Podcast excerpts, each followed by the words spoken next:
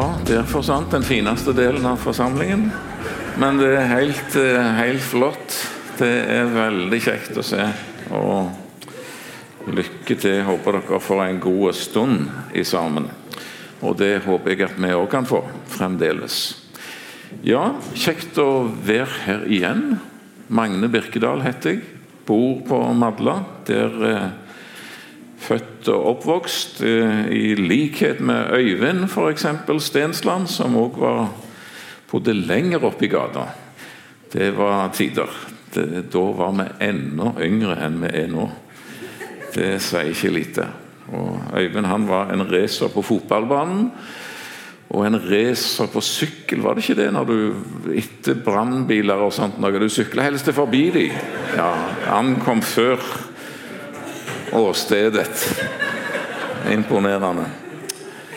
Ja eh, Kona gift med Tove, og vi har fire barn. Og vi har syv barnebarn og tre underveis. Så det er Det er ikke verst. Hmm, hva skal jeg ellers si? Jeg begynte Første gangen jeg var på Vea Det er lenge siden jeg har vært her nå. Men første gangen jeg var her, det var i 1980. Da var jeg førstereisgutt, og jeg reiste med en annen Madlabu eh, som bodde midt imellom Øyvind og meg, nemlig Arne Åno. Eh, mange av dere er altfor unge til å vite hvem han var, men han var en eh, veldig kjent evangelist. og vekkelsespredikant, og bodde som sagt der i, i, i, i gata, han òg. Sånn, så jeg fikk lov til å være med han. Og jeg husker ennå eh, det første halvåret, og når vi var på Tryggheim og en annen av de legendariske gamle, eh, Johannes Kvalheim heter han, han skulle lede møtet, og når han skulle gi ordet til Arne Åno, så sa han at så vil Arne Åno tale, spille, synge og gråte litt for oss. Og det var helt presist, for alt det gjorde Arne Orno. Og av og til alt på en gang. Ja Kjekt å være her igjen. Nå starter jeg klokka. Jeg har tenkt på det som er teksten for dagen, det som er satt opp for denne søndagen. Eh, overskriften forstår jeg på møtene, disse samlingene nå, det er min hjertesak. Og Det syns jeg egentlig passet veldig godt med det avsnittet som er satt opp for denne søndagen i kirkeårets tekstbok. Det er fra Johannes kapittel 17 og fra vers 20 og til og med vers 24 leser vi. Og Spesielt har jeg lyst til å legge vekt på vers 24. For det handler om Jesu hjertesak, rett og slett. Og Det syns jeg passet veldig godt, for det som er Jesu hjertesak, det burde jo være vår hjertesak òg. Og vi har egentlig allerede hørt om det eh, her før i dag. Men i Jesu navn, Johannes kapittel 17, og i min eh, bibeloversettelse, så står det altså sånn i fravers 20. Det er Jesus som ber. Det er det store bønnekapitlet. Og han sier til sin far Jeg ber ikke bare for disse, altså de som er hans disipler og troende, eh, i det øyeblikket. Jeg ber ikke bare for disse, men også for dem som ved deres ord kommer til tro på meg. At de alle må være ett, like som du, far, i meg og jeg i dem. At også de må være ett i oss, for at verden skal tro at du har utsendt meg. Og den herlighet som du har gitt meg, har jeg gitt dem, for at de skal være ett, like som vi er ett. Jeg i dem og du i meg, for at de fullkomment skal være gjort til ett, for at verden kan kjenne at du har utsendt meg og elsket dem, like som du har elsket meg. Far, jeg vil at de som du har gitt meg, skal være hos meg der jeg er, for at de skal se min herlighet som du har gitt meg, fordi du elsket meg før verdens grunnvoll ble lagt. En gang til det siste. Jesu hjertesak. Far, jeg vil at de som du har gitt meg, skal være hos meg, der jeg er, for at de skal se min herlighet. La oss be sammen. Herre Jesus, takk for eh, at vi får være sammen her i ditt navn. At du er her, det takker vi deg for. Og at ditt ord er levende, og at vi kan få regne med din hellige ånd og til å forklare ordet for oss. La det skje, Jesus, både i denne samlingen og eh, for barna der de er samla. Og ja, at ditt ord må ha framgang og inngang både her og i vårt land. Jesus, de mange plasser, byer og bygder og tettsteder og mindre plasser, Herre. La ditt ord fremdeles bli forkynt og trodd. Og i den verden du har skapt, med all den uro og nød og synd og krig og vold og tragedier som vi minnes om Jesus. Herre, la ditt ord fremdeles gå fram eh, på de mange fronter. Komme ditt rike. Amen. Ja, Jesu hjertesak. Jeg vil. Eh, og Nå vet du det at dette kapitlet som vi leser her i dag, eh, det som kalles Jesu ypperste prestelige bønn, der hele kapitlet er, gjengir Jesu bønn, den står i en sammenheng. Det er Jesu avskjedstale til sine. Så fra kapittel 14 til og med 16 så taler han og underviser sine. Og så går han i forbønn for dem og ber til sin far. Og Når han har sagt, eller avslutta den bønnen, da Jesus hadde talt dette, står det i kapittel 18 vers 1, gikk han ut sammen med disiplene sine over bekken Kedron. Der var det en hage, Getsemane, og i den gikk han og hans disipler inn. Så det er ramma om denne Jesu forbønn for sine. Og vi vet jo, som det står her, ikke lenge etterpå i Getsemane så skal Jesus ligge der på kne og kjempe bønnekampen. Og da skal han si, 'Far, er det mulig, så la dette beger, denne kalk, gå meg forbi.' Men skje ikke min vilje, men din vilje. Men her, altså, eh, like før de går inn i Getsemanehagen, så er det et, et veldig sterkt ord ifølge de lærde. Far, jeg vil. Jeg krever. Jeg forlanger. Jeg bare må ha det sånn at de som du har gitt meg, skal være hos meg. Det er faktisk Jesu hjertesak mer enn noe annet. Og det var den kjærlighet som tvang han til korset, og som ledet han hvert eneste skritt på veien. Til det er fullbrakt. Det var Jesu hjertesak for deg og meg. At vi måtte tro på han og tilhøre han, og en dag få lov til å komme hjem til han og alltid være i sammen med Jesus. Og Det som er Jesu hjertesak, det er klart at det må jo òg være vår hjertesak. At eh, jeg personlig skal få lov til å nå fram, som Paulus sier det. Eh, for min del sier han, så akter jeg ikke mitt liv, altså det jordiske liv, et ord verdt, sier han i, Johan, i Apostelens gjerninger 20. Bare jeg én kan fullende mitt løp, altså bli bevart, og nå fram. Og for det andre fullende den tjeneste som Herren har gitt meg. Og vitne om Hans nådes evangelium. Det er de to prioriteringer, sier Paulus, som er én og to i mitt liv. Ellers er det ikke så mye annet å snakke om, egentlig. Om jeg er lykkelig eller ulykkelig, eller om jeg får leve sånn eller sånn.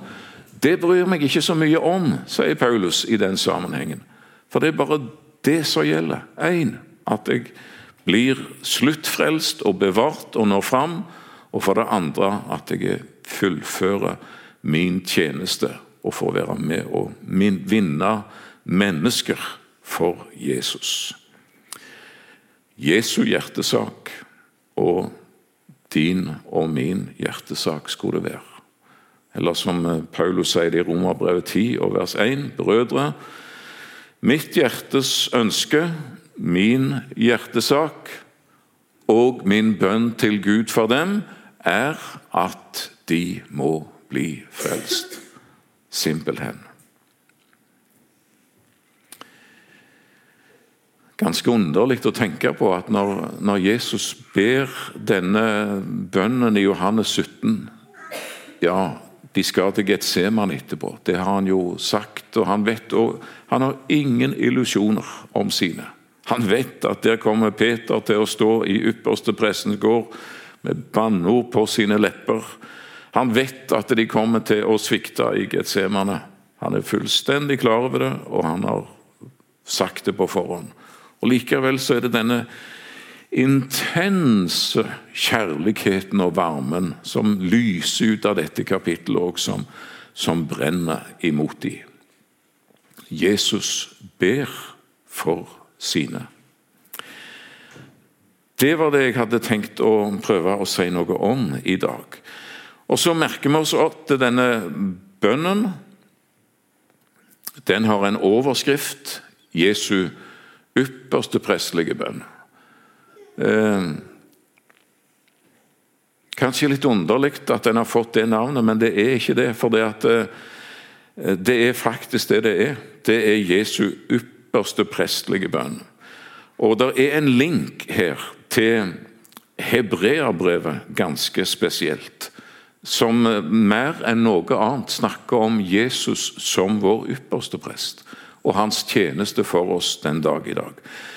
Jeg vet ikke hvor mye det tales om det på dette bedehuset. Det er nok forskjell, men som regel så er det Jesus-historiene vi hører. Vi hører ifra evangeliene kanskje hva Jesus gjorde, hva han sa. Vi hører ifra brevlitteraturen òg.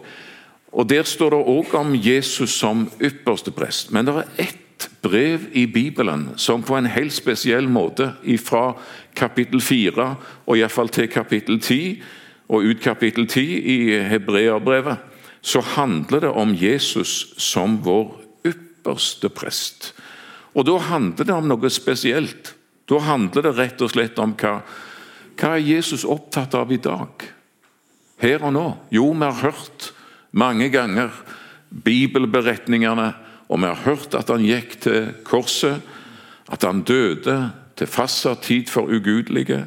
Vi har hørt om hans tomme grav og hans oppstandelse, og så har vi hørt om hans himmelfart. Og alt det er helt fundamentalt. Det som er så spesielt med hebreerbrevet, det er at det drar liksom en sånn forheng til side og lar oss se inn i det himmelske. Og Der får vi se hva, hva Jesus er opptatt av nå. Hva han gjør, og hva slags tjeneste han har. Og Det er en link fra Jesu ypperste prestelige bønn her i kapittel 17 og til hebreerbrevet. Det er ikke bare hebreerbrevet, NB, som, som, peker oppover og forteller hva Jesus eh, er, som er hans tjeneste i dag. Men ganske spesielt så er det hebreerbrevet. Den konsentrerer seg om det. Og vi vet det at Jesus Kristus han er i går og i dag den samme. Ja til evig tid. Så når vi ser inn i Jesu bønneliv her i Johannes kapittel 17, så får vi òg vite hva som fyller hans bønneliv den dag i dag. For det er nemlig eh, Det er så mye å si om den ypperste prestelige tjeneste at det Eh, rekker vi ikke så veldig mye om, men det er veldig mye å si om eh, de forskjellige jeg, fasetter i hans tjeneste den dag i dag. Hvis du leser, eh, leser sammenhengen her i eh, det 17. kapittel, så merker du det at det er én ting som står øverst når Jesus ber for sine og som han nevner flere ganger bevar de. At du bevarer de. Eh, Det er det han ber eh, for først og fremst. Vi kan gjerne lese fra vers 15, og så får vi egentlig tre eh, hovedpunkter som står på Jesu bønneliste når han ber for deg, meg, de som hører sine til. Vers 15. Jeg ber ikke om at du skal ta dem ut av verden, men at du skal bevare dem fra det onde. Og igjen, det er det første og det som oftest blir repetert. Bevar de, bevar de i ditt ord, roper Jesus. Flere av disse versene. De er ikke av verden, like som jeg ikke er av verden, sier han i neste vers. Så kommer vers 17, og det er det andre punktet på hans bønneliste. Hellige dem i sannheten. Ditt ord er sannhet. Nå skal de leve i denne verden og de bærer syndenaturen i seg, og de er omgitt av, av synd og fristelse, egentlig, og hele verden ligger i det onde, og Satan har okkupert, og han jager rundt omkring både som brølende løve, lysets engel og i mange forskjellige skikkelser. Far, hellige dem i sannheten. Ditt ord er sannhet. La mine få lov til å leve tett og nært inntil meg og være helliget ved ditt ord og leve et hellig liv i en verden av, ja, av synd, rett og slett. Og for det tredje, vers 18.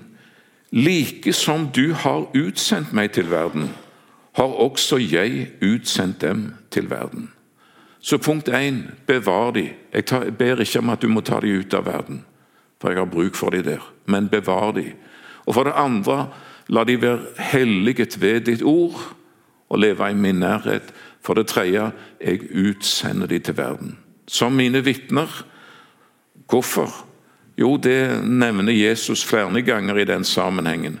Og han ber Du kan gjerne ta det som et fjerde punkt, men egentlig så ligger det under vers, eh, det tredje punktet òg. At de må være ett i meg. Sånn at verden kan tro deres vitnesbyrd. Sånn at verden kan se at dette er Jesus-mennesker. De har noe som ikke vi har, og de hører en annen og en større til, og de er preget av det. At de må være ett i meg, sier Jesus, og i Faderen, sånn at verden kan forstå at du har utsendt meg. De er mine vitner flere ganger i, i denne sammenhengen så nevner Jesus det.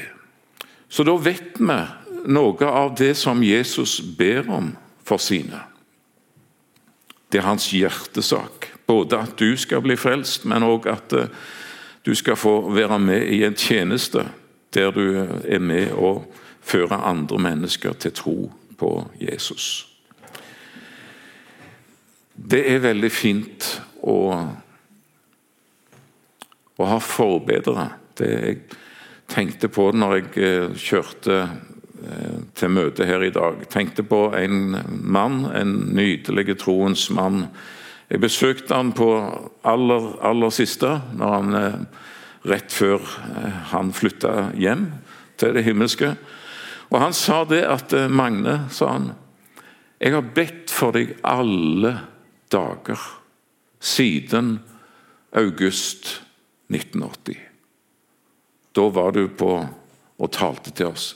Og jeg har bedt for deg hver eneste dag siden det, sa han. Og så nølte han litt. Sa han. Det er én dag jeg ikke er helt sikker på, forresten, sa han.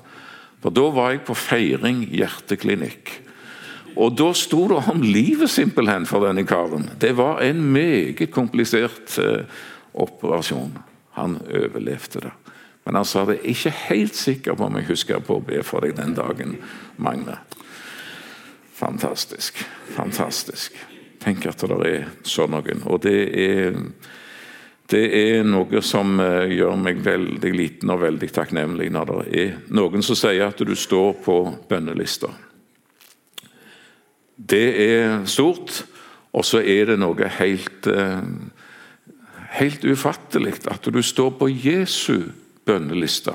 Og hvis vi, hvis vi går Ja, jeg vet ikke Vi kan egentlig eh, Ja, la oss ta det verset først, i Hebreabrevet kapittel 7. Der det altså handler om Jesus som vår ypperste prest. Eh, og, og, Du kan gjerne tenke deg at uh, ypperste prest det høres noe snålt ut. at Var ikke det noe i den gamle pakt og den gamle tid? Det må være noe for eh, teolognerder, for spesielt interesserte i, i, sånn bisaker som det. Men Hebreabrevet 8 sier det sånn, vers 1. En hovedsak ved det vi her taler om, er dette. Vi har en slik ypperste prest som satte seg ved høyre side av majestetens trone i himmelen. En som gjør prestetjeneste ved helligdommen, det sanne tabernakel som Herren har reist, og ikke et menneske. Det er ikke bisak, det er faktisk hovedsak. Jesus er din ypperste prest. Og i vers, eh, Hvis vi flytter litt foran i vers eh, kapittel 7 og vers 24, så leser vi der at han har et prestedømme som ikke kan forandres, fordi han blir ved til evig tid. Ypperste, eller ypperste prestene i den gamle pakts tid de, ja, Aron var den første, så døde han, og så ble det hans sønn, og så døde han. og så var det stadig nye ypperste prester som kom til etter hvert. Men, men Jesus han dør jo ikke. Han er ypperste prest til evig tid. Og Derfor kan han også fullkomment frelse dem som kommer til Gud ved ham, da han alltid lever til å gå i forbønn for dem. For en slik ypperste prest var det vi måtte ha. Hellig, uskyldig, ren, skilt for syndere, opphøyet over himlene en som ikke daglig trenger til, lik yppersteprestene i den gamle pakts tid, og bære fram offer, først for sine egne synder, deretter for folkets. Det gjorde han en gang for alle, da han ofret seg selv. Det er fullbrakt. Da han alltid lever til å gå i forbønn for dem. Ikke ofte, men alltid. Og I min bibel står det at han alltid lever Eller til, sto det i min gamle, men det er jo mer uh, up to date, det som det står uh, nå, at han alltid lever for å gå i forbønn for dem. Så eh, jeg er takknemlig for det hebreabrevet. Det trekker liksom sløret til sides, åpne forhenger, så ser du inn i det himmelske. Og så ser du han som døde for dine synder, som sto opp igjen til din rettferdighet. Hvor er han nå? Jo, der er Gud Fader på sin trone, der han hersker og regjerer ifra. Ved hans høyre side er hans sønn, som alltid lever til å gå i forbønn for dem. Og Derfor så kan han altså òg fullkomment frelse. Det er det Jesus er opptatt av i den tjeneste han har i dag, og det er mange aspekter i det. La oss, eh, la oss skynde oss bare. Egentlig 1. Johannes 2, vers 1 og 2. Det syns jeg er noe av det veldig eh, eh, Tenk på dette, mine barn. Dette skriver jeg til dere for at dere ikke skal synde. Og hvis noen synder, har vi en talsmann hos Faderen, Jesus Kristus den rettferdige.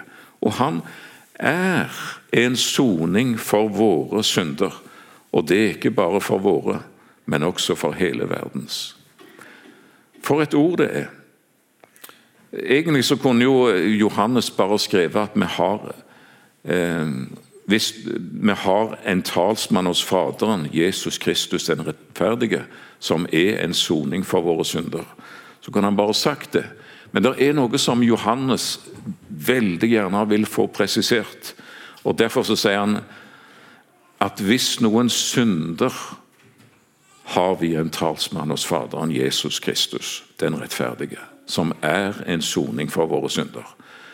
Og Det han vil få forkynt, er at det ikke bare når du er i bønn eller sitter på et møte eller du føler deg oppløfta og tenker gode, fine tanker. Men, sier 1. Johannes 2 og vers 1, til og med i syndeøyeblikket, i fallet, så har du Jesus som gjelder i ditt sted for Faderens ansikt. Og Det er ikke sånn at han trekker seg tilbake, men han er en soning for våre synder. I det øyeblikket du falt, når du bare kjente den onde lyst i ditt hjerte, og det var ingen anger, det var ingen smerte over det. Til og med i syndeøyeblikket forkynner dette brevet. Og Johannes, inspirert av Den hellige ånd, han har lyst til å understreke det. Jeg skriver det ikke bare generelt at vi har en talsmann hos Faderen som er rettferdig, alt vi ikke er, og som er en soning for våre synder. Jeg må presisere det gjelder til og med i syndeøyeblikket. Og det har med Jesu tjeneste i dag som vår ypperste prest å gjøre.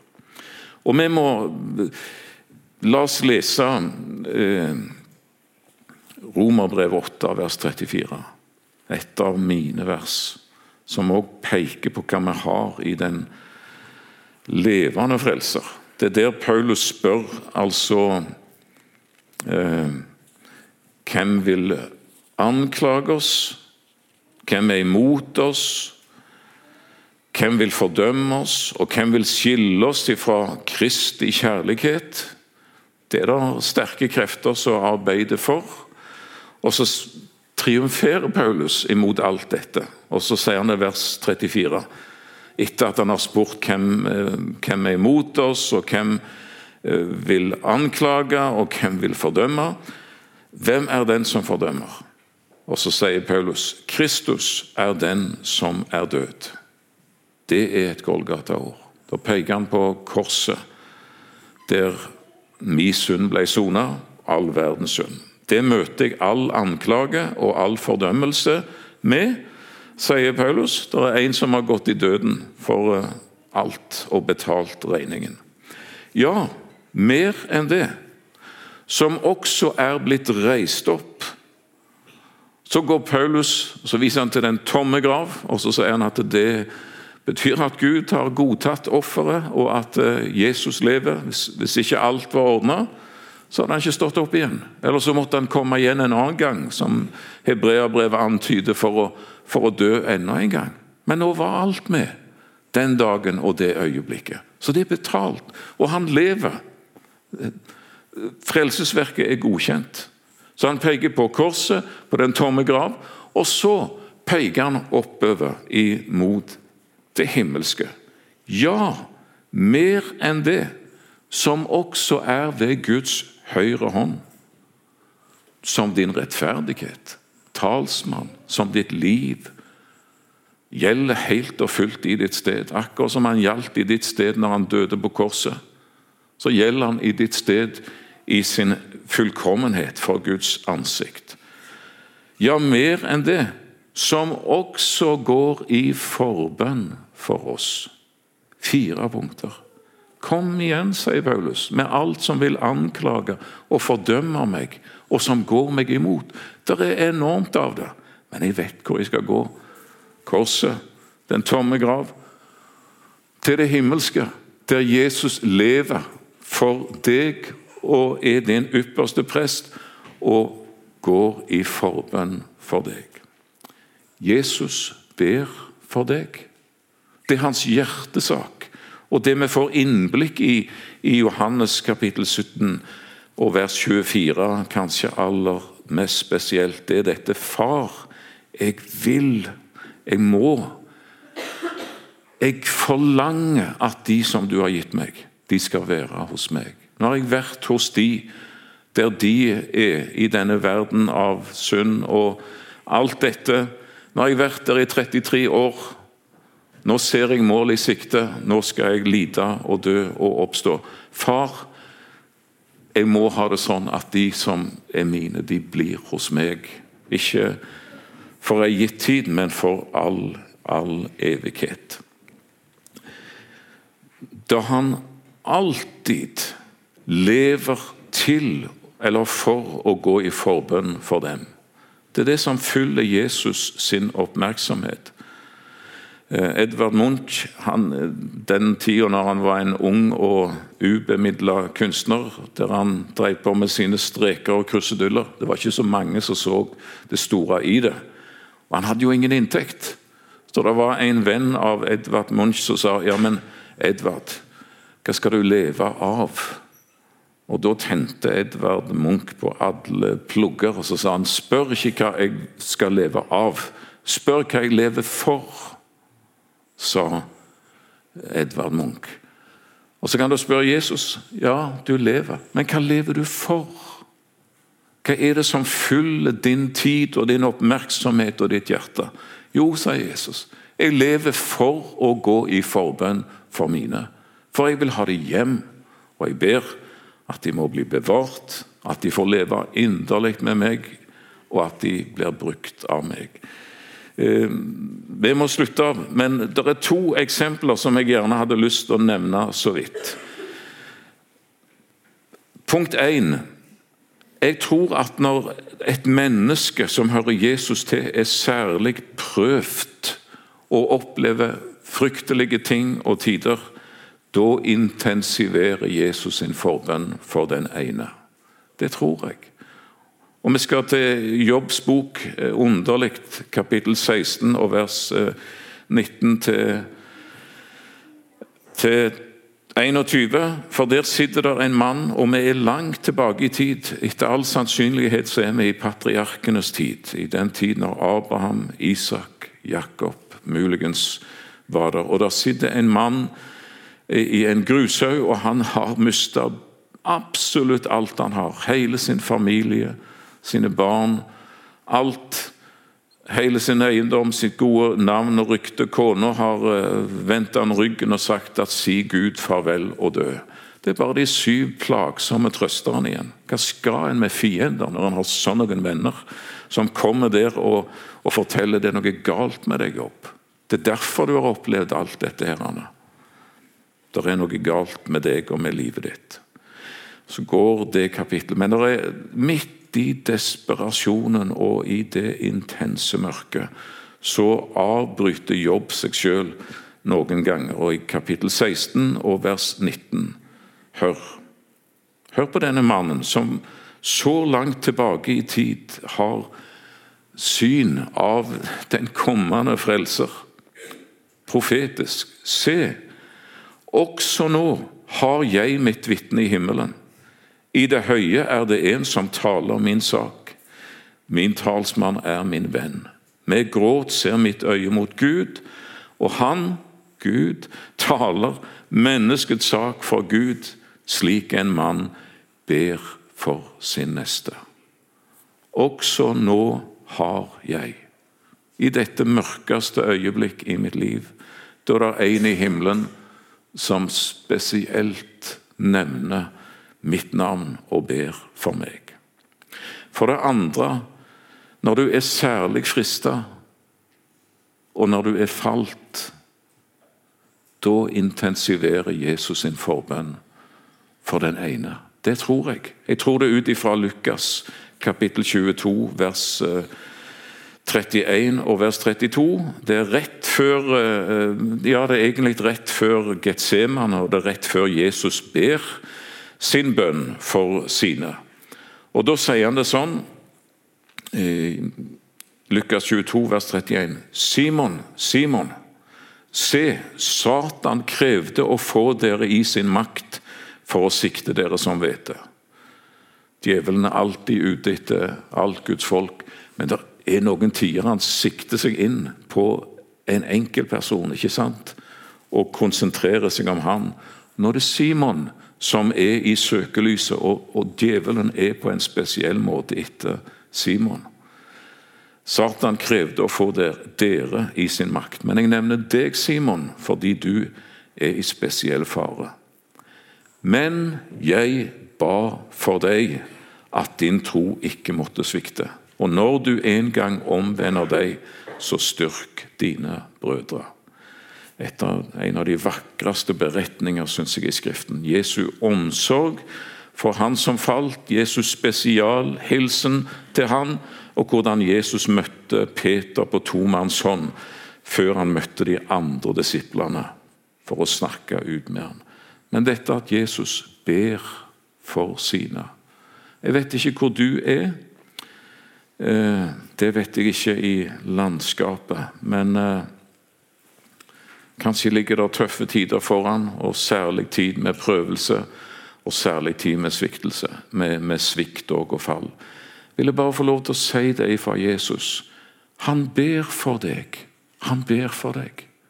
Og han intensiverer sin forbønn for deg. For han Å, jeg vil at de som du har gitt meg, de skal være hos meg der jeg er. For at de skal se min herlighet, og ikke bare som passive tilskuere. Men to vers foran så sier han at den herlighet som du har gitt meg, sier han til Faderen, den har jeg gitt til de.